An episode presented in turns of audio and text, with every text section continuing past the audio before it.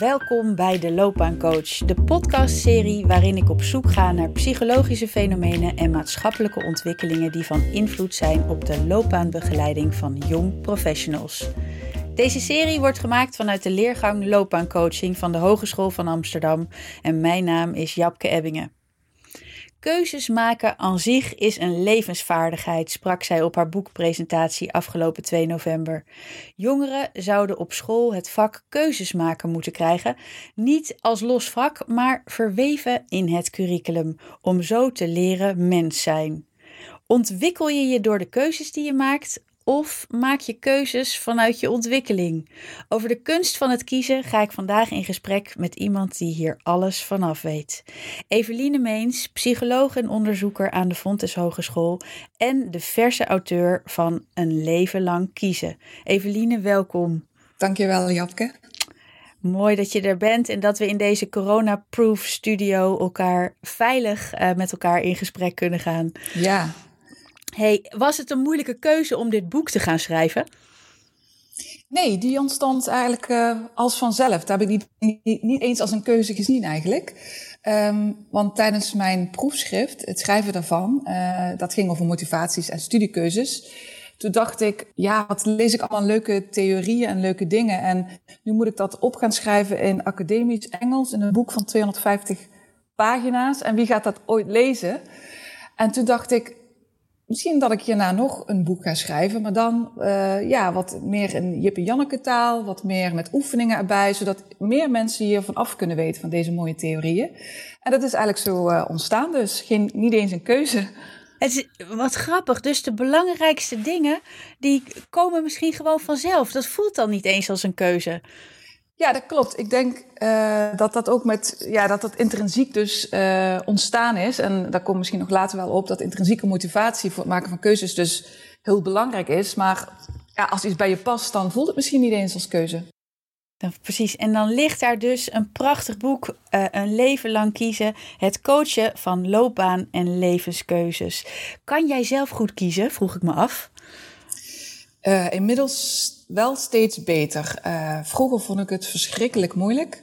Zeker toen ik jong was. Um, en toen heb ik ook gedwongen keuzes moeten maken, omdat het uh, ja, even niet lekker met mij ging. Ik denk dat ik toen 21 was. Ik zat toen echt wel in een dip en uh, ik heb er ook hulp bij gezocht. En toen heeft die persoon mij leren kiezen. En ik heb dus zelf ervaren dat ik door middel van keuzes de regie kon terugpakken over mijn leven. En dus ik ben het toen eigenlijk ja, gaan leren, denk ik.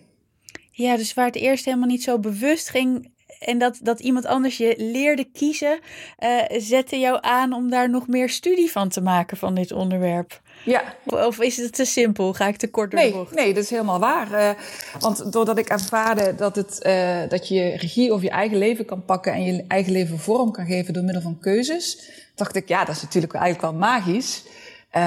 Ja, keuze is dus gewoon een essentieel deel van je leven. Dus laat ik daar eens wat nader onderzoek aan doen en meer over gaan lezen. En zo groeide dit interesse voor dit onderwerp. Ja. Evelien, neem ons mee. Hoe maak je keuzes? Hoe maak je keuzes? Um, eigenlijk sla je het, of kan je het plat slaan in twee verschillende dingen.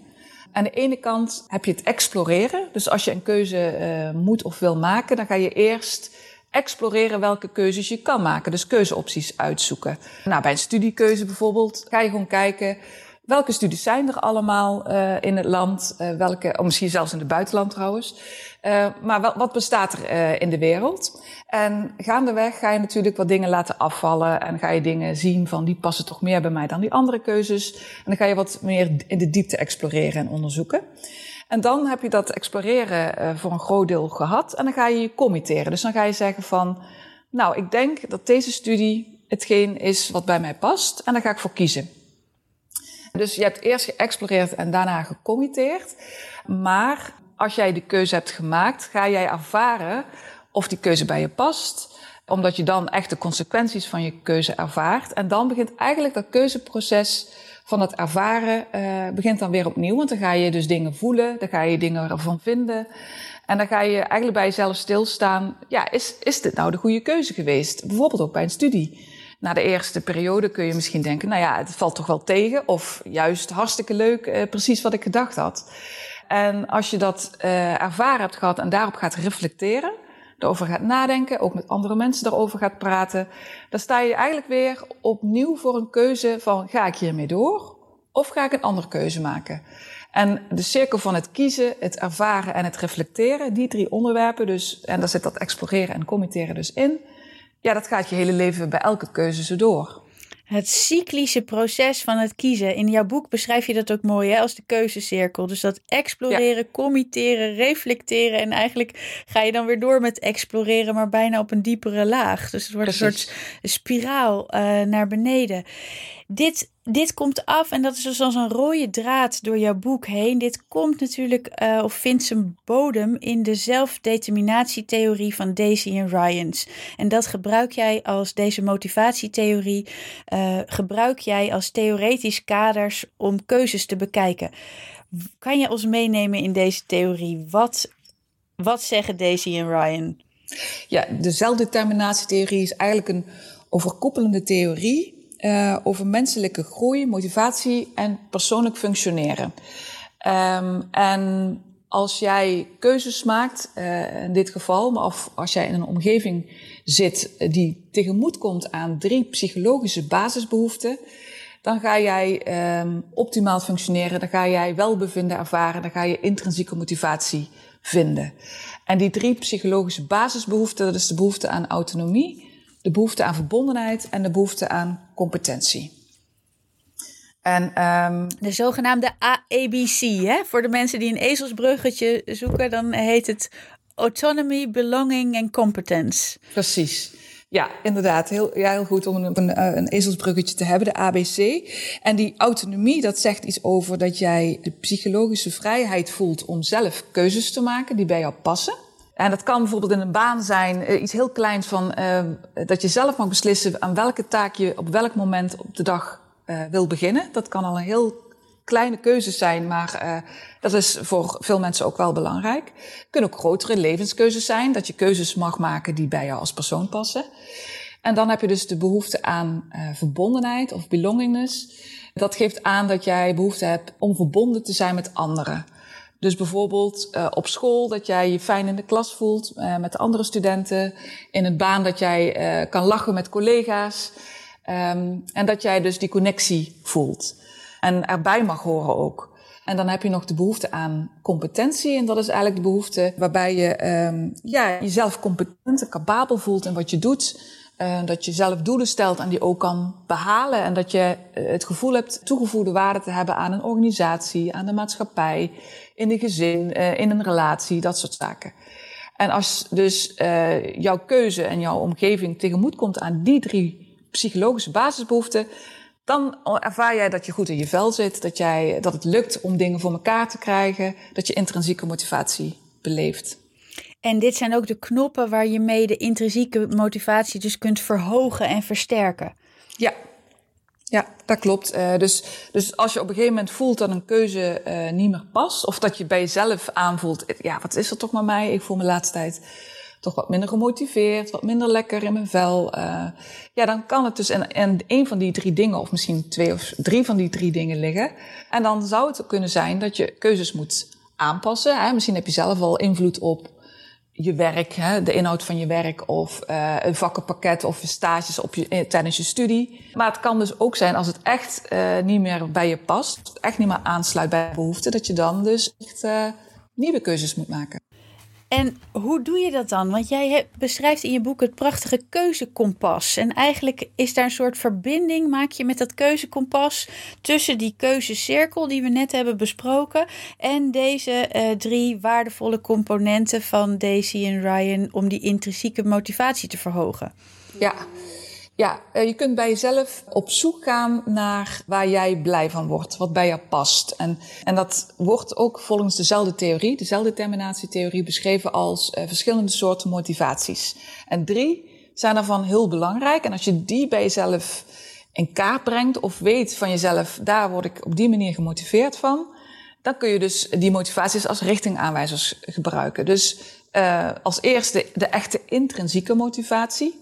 En dat is motivatie die je ervaart als jij helemaal in een activiteit um, zit en de tijd vergeet, in de flow zit. Dat je het buiten donker ziet worden en denkt, oh, wauw, dus uh, de dag is al voorbij. En ik zit helemaal in dit boek bijvoorbeeld, als je uh, een studie doet, dat je het zo interessant vindt dat je eigenlijk de activiteit aan zich al een beloning is om jou gemotiveerd te maken. In die toestand heb jij dit boek geschreven, volgens mij. Ja, dat klopt. en ook uh, mijn proefschrift geschreven. Ja, dus het is ook aan de andere kant een gevaar, want je gaat uh, acht uur op dezelfde stoel uh, lezen of schrijven. dus dat is in deze tijden zeker niet handig. Beweging mag ook wel. Maar inderdaad, het is wel echt de motivatie waarbij je dingen om je heen vergeet. En heel eerlijk, ja, dat is wel heel erg mooi als je dat kunt ervaren. Dat, zal, dat ervaar ik ook zeker niet elke dag zo hoor. Dus, en dat zal ook bij andere mensen ook wel herkenbaar zijn. Dat je dat soms ervaart, uh, maar heel, niet de hele dag door. Dus dat is een motivatie, noem je dat dan een motivatie vanuit interesse? Ja, je bent inderdaad vanuit, uh, je bent geïnteresseerd in iets, uh, nieuwsgierig naar iets. En uh, de activiteit zelf levert jou al ja, voldoening op. Net zoals kinderen die spelen. Die, die spelen omdat ze het spelen aan zich leuk vinden en geen enkele andere redenen hebben om, uh, om te spelen. Niet om de output, niet om de beloning, nee. maar nee. gewoon om de bezigheid zelf. Precies. Dat is één. Wat Dat zijn de volgende? Uh, de tweede vorm van motivatie die ook je heel erg kan helpen bij het vinden van uh, keuzes of het maken van keuzes is de, de uh, waardemotivatie. De motivatie die gebaseerd is op jouw waardepatroon. Welke waarden heb jij in het leven? Wat vind jij belangrijk? Waar sta jij voor?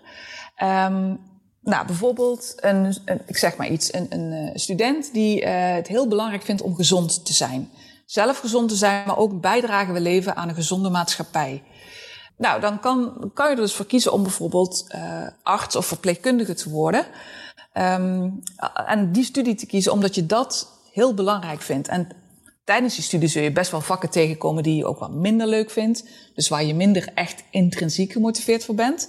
Maar omdat jij ergens voor staat, um, ga je dat toch uh, ja, overheen in die zin dat je gewoon uh, die minder leuke vakken ook uh, gewoon doet en helemaal niet zo erg vindt omdat jij iets wilt bereiken uh, voor wat en je belangrijk vindt. En het sluit dan dus wel aan bij je waarden. Precies. Ja, waarde gemotiveerd. Ja. Interesse gemotiveerd, waarde gemotiveerd. En dan heb je nog de derde, en dat is dat je uh, motivatie hebt die leidt tot een persoonlijk doel. Dus uh, om weer een, bijvoorbeeld in een studie uh, voorbeeld te duiken. Um, iemand wil juf of meester worden en weet dat daarvoor een PABO-studie nodig is. Dus je gaat weer PABO doen. En misschien vind je studeren of leren aan zich helemaal niet zo heel erg leuk. En zul je ook inderdaad vakken tegenkomen die minder leuk zijn. Toch ga jij die studie afmaken omdat jij aan het eind van de horizon, zeg maar de stip op de horizon is, uh, voor de klas staan voor een 7, 8-jarige. Um, ja, voor de klas te staan en daarmee um, hun ontwikkeling uh, teweeg te brengen. En die stip op de horizon, jouw einddoel, zorgt ervoor dat je toch die studie gaat afmaken, ondanks dat jij waarschijnlijk hobbels gaat tegenkomen op de weg. Maar dat ga je overwinnen omdat jij dat einddoel voor ogen hebt. Precies, zo hadden wij uh, wat technische hobbels met het maken van deze podcast, ja. maar totaal doelen gemotiveerd, omdat we hem heel graag willen maken samen. Daar hebben we alle technische hobbels uh, overwonnen. ja, ja, precies. ja, uh, hartstikke mooi. Hoe kun je als loopbaanbegeleider, je geeft al voorbeelden, maar misschien nog even iets extra uitleggen, lichten.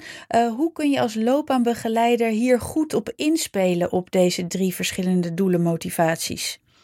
Nou, uh, door uh, de juiste vragen te stellen aan jouw student of jouw coachie. Um, dus erachter te komen, waar zit de intrinsieke motivatie? Waar zit, waar, welke waarden heeft mijn coachie? En welke doelen zijn er misschien wel al of niet? Um, en dat kan door middel van bijvoorbeeld een waardeoefening. Die kent nou, iedereen misschien wel. Dat je dus gewoon echt uit een lijst van waarden, die staat trouwens ook in een boek, maar dat vind je ook wel op internet, dat je gewoon uit een hele lijst met verschillende waarden gaat kiezen van wat is nou echt belangrijk voor mij van al deze honderd waarden bijvoorbeeld. En breng dat nou eens terug tot drie waarden die voor jou leidend zijn op dit moment. En als jij uh, dat weet, nou bijvoorbeeld bij mij is dat uh, persoonlijke ontwikkeling, um, liefde en um, vrijheid. Dat zijn drie persoonlijke waarden die ik aantal jaar geleden geselecteerd heb uit die lijst, die nog steeds van toepassing zijn. Want dat zal ook, natuurlijk, het kan veranderen, maar dat zal niet van de een op de andere dag zijn. Nou, dat zijn voor mij richtingaanwijzers geweest om keuzes te maken. En als je dat van jezelf weet en je hebt keuze 1, 2 of 3 en je legt deze waarden ernaast, ja, dan wordt het al wat helderder wat je moet kiezen. Ja, dus dan, uh, de, precies, dan, dan geven die waarden geven richting. Haken ze ook in elkaar? Dat kan ik me ook zo voorstellen. Dat ze ook op elkaar doorwerken, waarden, doelen, interesse.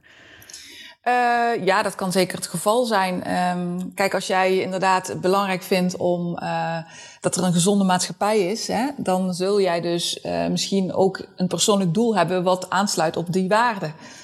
en zul jij ook intrinsiek gemotiveerd raken wanneer uh, wanneer je bezig bent iets, uh, met iets wat op die waarde en dat persoonlijke doel aansluit. Dus het zijn drie mooie vormen, kwalitatief goede vormen van motivatie, die inderdaad ja, in elkaar hangen, op elkaar aansluiten en een kompas kunnen vormen voor keuzes die je maakt. Precies, en nog even omdat het niet genoemd is voor de helderheid, die staan dan eigenlijk tegenover uh, die minder uh, een goed ja. motivatiekompas zijn. De extrinsieke motivaties, dus de beloningen, uh, salaris of externe waarderingen.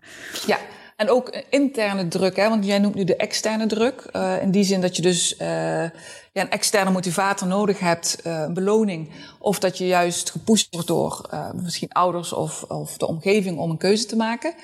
Uh, wat misschien nog wel vaker voorkomt uh, tegenwoordig is interne druk. Dat jij vindt dat je iets moet doen. Um, en ja, dat kan ook een hele vervelende motivatie zijn om dingen uh, vol te houden natuurlijk. omdat je dan eigenlijk niet helemaal bij jezelf staat, maar vindt dat je iets moet doen om heel veel andere redenen die niks met jouzelf te maken hebben. Daar wijd je ook een heel hoofdstuk aan hè, over opvattingen en belemmerende opvattingen, wat je allemaal wel niet van jezelf moet. Ja, ja. In, in wezen. Ja, en um, uh, je begint je boek met het hoofdstuk Wat je kiest, ben jezelf. Um, ik dacht, ik ben benieuwd, kan je dit toelichten? Wat heeft kiezen met identiteitsvorming te maken? Um, nou, inderdaad. Uh, keuzes en identiteit zijn eigenlijk één op één met elkaar gelinkt. In die zin dat je, als je jong bent, dan heb je nog niet zozeer een grip op identiteit of heb je die identiteit nog niet zo ontwikkeld. Um, en dan eigenlijk, dan ben je wat je kiest. Dus als jij 13, 14 jaar bent bijvoorbeeld, ja, dan is het heel belangrijk welke vrienden jij kiest, welke kleding jij elke dag kiest, want dat maakt dan op dat moment wie jij bent, omdat je ja, nog niet zoveel levenservaring hebt opgedaan. Uh, later is het zo dat je dan natuurlijk een rode draad in je leven hebt, keuzes hebt gemaakt die wel of niet met elkaar samenhangen, maar je weet wel uh, wat meer wie je bent, je identiteit is gevormd. En dan is het precies andersom, dan ben je niet meer wat je kiest, maar dan kies je wat je bent. En namelijk, je hebt een identiteit die redelijk, uh, nou ja, ontwikkeld is, misschien zelfs al bijna vaststaat in enkele gevallen. En dan ga je keuzes op jouw identiteit aanpassen, dus dan kies je eigenlijk wat je bent. En dat is precies andersom uh, uh, ten opzichte van als je jong bent. Want dan, dan, ben je wat je kiest. Mits je tevreden bent met de rode draad die je hebt uitgelegd natuurlijk. Ja, dat is helemaal waar. ja, ja. Anders moet er toch iets uh, gebeuren in die keuzes. Ja. Um, en dat suggereert natuurlijk ook, hè, vooral de titel, wat je kiest, ben je zelf, uh, suggereert een hoge mate van zelfbeschikking. En nou leven we, um, hè, zo zei je ook op je boekpresentatie, in een meritocratie. Louise Elvers plaatst daar wel sterke kanttekeningen bij. Hè, de schijngelijkheid in de kansen, zegt ze. Want als je. Um, nou, als je de wind mee hebt, dan voel je hem niet. Rijkt onze zelfbeschikking inderdaad zo ver? Je wijt er ook in je boek, ga je er ook even op in. Zou je daar iets over kunnen zeggen? Ja, um, in die zin uh, zeg ik er sowieso al over van, omdat er een ja, gemeende meritocratie is, dus dat je eigenlijk naar aanleiding van de keuzes die je maakt, je leven kan creëren. Dat legt natuurlijk ook meteen een druk op de keuzes die je maakt. Want als jij goede keuzes maakt, dan word je succesvol. En als je minder goede keuzes maakt, dan ben je zogenaamde loser. En dan lijkt het uh, allemaal in je eigen hand te liggen. Precies, dan ben jij het zelf eigenlijk schuld. Want vroeger uh, was er een, uh, ja, de, de afkomst die telde wat meer. misschien zelfs een geloofsovertuiging, een God die daarin ook keuzes nog voor jou ging maken. En tegenwoordig zijn er steeds meer mensen die minder geloven, die waar uh, afkomst misschien inderdaad minder een rol speelt. Inderdaad, als je hè, de, de wind dus mee hebt. En dan ben je dus zelf verantwoordelijk voor die keuzes. Um, aan de andere kant ben ik het met um, Louise Elvers eens dat het um, voor een aantal mensen natuurlijk helemaal niet zo is. Dat de wieg toch, toch nog steeds bepaalt uh, waar die stond, wat je nu kan kiezen. En dat, ehm, ja, dat je dat toch wat minder kansen hebt dan een ander. Wat kan je daarin doen als, als loopbaanbegeleider? Um, ik denk wel, daar had ik het laatst nog over met decanen van een uh, middelbare school. Maar in ieder geval, wat soms wel gebeurt, is dat als je uit een bepaalde familie komt, waar misschien uh, ouders geen uh, hoger onderwijs genoten hebben, bijvoorbeeld, dat is, dat is een voorbeeld van kansgelijkheid of ongelijkheid. Um, die kunnen bepaalde ja, onbewuste druk uitoefenen op een kind dat het nu wel moet gaan lukken. Hè? Dat is dat jij voelt uh, door je ouders, maar misschien ook door jezelf, dat jij nu uh, de, eerste gaat zijn die een hoger uh, beroepsopleiding of een universitair diploma gaat halen. en ik denk dat het alleen al helpt om iemand daar bewust van te maken dat dat zo is. Want een leerling die 17 is, die zit gewoon in die situatie, die, die kan dat misschien niet op die manier benoemen dat dat externe of interne druk is en dus op die manier ook motivatie speelt. Maar alleen dat al uh, bespreekbaar maken, dat, ik denk dat dat al helpt. En inderdaad, uh, die zelfdeterminatie, die is, die is er denk ik nog wel steeds, maar die heeft een wat minder grote rijkwijde in dit geval. Dus waar iemand die alle kansen heeft, een heel grote rijkwijde heeft aan zelf uh, gedetermineerde keuzes, zal die uh, rijkwijde bij mensen die wat minder kansen hebben kleiner zijn. Waarbij ik niet wil zeggen dat binnen die keuzes je ook weer natuurlijk zelfdeterminatie zou kunnen uitoefenen. Ja, dus dan gaat het eerst meer, kan je dat, kan je dat uh, die ongelijkheid zichtbaar maken of zichtbaar maken waar iemand vandaan komt en dat erkennen en van daaruit dan verder. Ja. En op zoek naar de juiste motivaties. Ja. Uh, want ik kan me voorstellen dat inderdaad, bijvoorbeeld om bij jouw voorbeeld te blijven, uh, dat je een klimmer bent in, eh, in het opleidingsniveau, hè, vergeleken met je familie, mm -hmm. uh, de eerste studerende bijvoorbeeld, uh, dat er dus andere motivaties meespelen. Ja, ja. ja, ja. Dan, dan kan er dus wel in, interne of externe drukmotivatie meespelen, ja. Dankjewel. Nou uh, heb je het over keuzes. We hebben het natuurlijk over de, de eerste, de studiekeuzes. Maar jij noemt loopbaankeuzes ook uh, levenskeuzes. Um, hoe zorg je dat keuzes steeds passend blijven voor jou in de fase waarin je in zit? Ja, door eigenlijk uh, die keuzecirkel te blijven doorlopen. Dus uh, je hebt een keuze gemaakt, je ervaart de consequenties van die keuze. Je voelt ook uh, echt lichamelijk soms of iets goed is uitgepakt of niet. En je gaat daarbij stilstaan met jezelf, met anderen. Je gaat erover nadenken, over praten. En dan zou je dus eigenlijk weer opnieuw moeten heroverwegen van blijf ik nu bij deze keuze of niet? En dat, ja, eigenlijk zo'n evaluatiemoment of in ieder geval terug naar je gevoel van hoe zit ik er uh, bij? Dat zou je eigenlijk op bepaalde momenten moeten doen. Of, of je zo iets aanleren dat, dat wanneer je ergens niet goed bij voelt, dat je dat ja, steeds sneller bij jezelf kan herkennen en erkennen. Dat je daar steeds op, op terug kan komen. Dus is er een soort overview te geven van levensloopkeuzes waar je als loopbaanbegeleider op kan inspelen? Nou ja, ik kan me zo voorstellen dat als je tiener bent, eh, dan ben je eh, echt aan het exploreren. En dat eh, is ook heel goed. En de keuzes die je dan maakt zijn gewoon keuzes voor vrienden, voor vrije tijdsbestedingen en hobby's. Maar als je 20, richting 20 gaat of van de twintiger jaren, dan zit je al meer richting de studiekeuzes natuurlijk. waarschijnlijk voor sommigen ook al een partnerkeuze. nou, vrienden spelen dan ook weer een rol, maar dat zijn misschien andere vrienden door je studie dan die op de middelbare school had. En als je dertiger bent, dan komen de dertiger dilemma's om de hoek kijken van, nou, de partner die ik heb, ga ik daar mijn leven mee verder? Uh, ga ik trouwen of niet? Welke baan ga ik kiezen? Uh, ja, kinderen komen dan ook om de hoek spelen natuurlijk. Van ga ik ze wel of niet willen krijgen? En dat is natuurlijk altijd de vraag of dat kan. Maar je, gaat eerst beslissen of je dat wil natuurlijk. En je ziet dus bijvoorbeeld vanaf 40 en 50, uh, als je die keuzes gemaakt hebt, dat er dan een soort van rust komt. Dan zijn die kinderen al wat ouder als je kinderen hebt. Dan zit je al wat langer in je loopbaan. En dan komt een dan komt meestal die reality check of een echt evaluatiemoment, wat wij soms de midlife crisis noemen. Uh, en dat is eigenlijk gewoon, als je het bedenkt, een evaluatiemoment van de, de commitments die ik heb gemaakt, de keuzes die ik heb gemaakt, ben ik daar nog blij mee? Kan ik me daar nog steeds aan committeren? Ja, en als dat niet zo is, dan voelt het natuurlijk niet zo fijn en dan noemen we dan een crisis. Wat niet wil zeggen dat dat niet goed is, want dan, dat geeft wel aan dat je misschien opnieuw keuzes moet gaan maken of andere keuzes. Een crisis als kans. Uh, dus um, ben je als mens ooit af, Evelien? Nee, nee, dat zeg ik ook in mijn boek. Want Uh, als jij nu een keuze maakt, uh, of je nou 10, 20, 30 of 60 jaar oud bent, uh, ieder van ons zal toch nog veranderen. En als jij 10 bent, ga je natuurlijk veel meer veranderen dan iemand die 60, 70 of 80 jaar oud is. Maar desalniettemin, je blijft veranderen. Dus de keuze die je nu maakt, daar is de kans heel groot eigenlijk dat je daar over 10 jaar niet meer helemaal tevreden mee bent. Althans niet in de precieze vorm zoals je die nu maakt.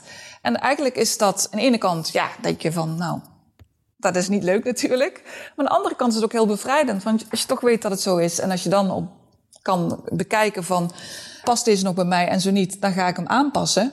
Dat kan natuurlijk ook heel bevrijdend werken. Want eh, ik zeg wel eens, kijk eens tien jaar terug, heb je dan nog precies dezelfde baan, precies dezelfde vrienden, precies dezelfde uh, omgeving waarin je woont, uh, de huisrichting, de levensstijl. Nou, heel veel mensen zeggen dan nee. En dat is ook logisch, omdat je verandert in de tijd. Leuk, dus we veranderen eigenlijk veel meer dan we denken. Klopt. En dat doen we uh, aan de hand van die keuzes die we maken, misschien soms bewuster dan anders.